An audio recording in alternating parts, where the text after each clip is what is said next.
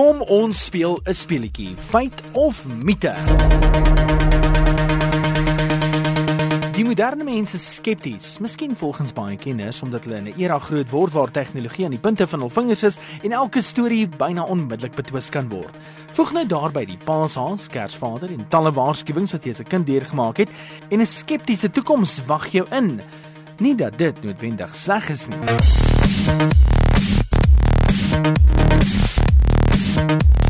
Ek gaan nou vir jou 3 mites of feite noem en waar ook al jy is, gee jy net 'n feit of mite antwoord en kyk hoe goed jy vaar uit 3 uit.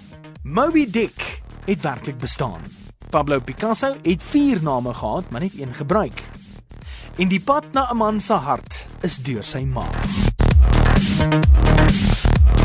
Goed, het jy jou antwoorde? Hier gaan ons. Moby Dick het werklik bestaan. So dit is 'n feit, dis nie 'n mite nie. Die storie is gebaseer op gebeure naby die Mokka Eiland. Die enigste verskil is Moby se regte naam is eintlik Mokka Dick en hy was so sterk en groot dat hy op 'n stadium glo 3 walvisjagskepe gesink het.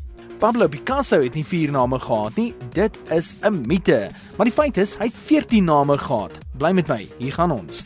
Pablo Picasso, die skildersname was Pablo Diego José Francisco de Paulo Juan Nepomuceno Maria de los Remedios Cipriano de la Santanissima Trinidad Ruiz y Picasso.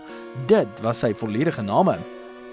En is dit 'n feit of 'n mite dat die pad na 'n man se hart deur sy maag loop? Ja, Australië het in 2009 navorsing gedoen in die verband waar hulle 10000 mans nader getrek het en vir hulle verskillende geure gegee het om aan te ruik.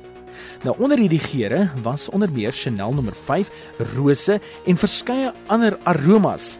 Maar die wenner van hierdie reuke was 'n eenvoudige vars gebakte broodjie en daarom het hulle bepaal dat mans se reuksintuie nie noodwendig aangetrek word deur rose, selfs lekkerryk goed nie, maar wel deur 'n broodjie met ander woorde kos. So die pad na man se hart lyk my loop deur sy maag. Hoeveel het jy? 3 uit. Laat hoor van jou. 34024 R1 per SMS. Feit of mite? Hoeveel het jy reg en hoeveel het jy verkeerd gehad?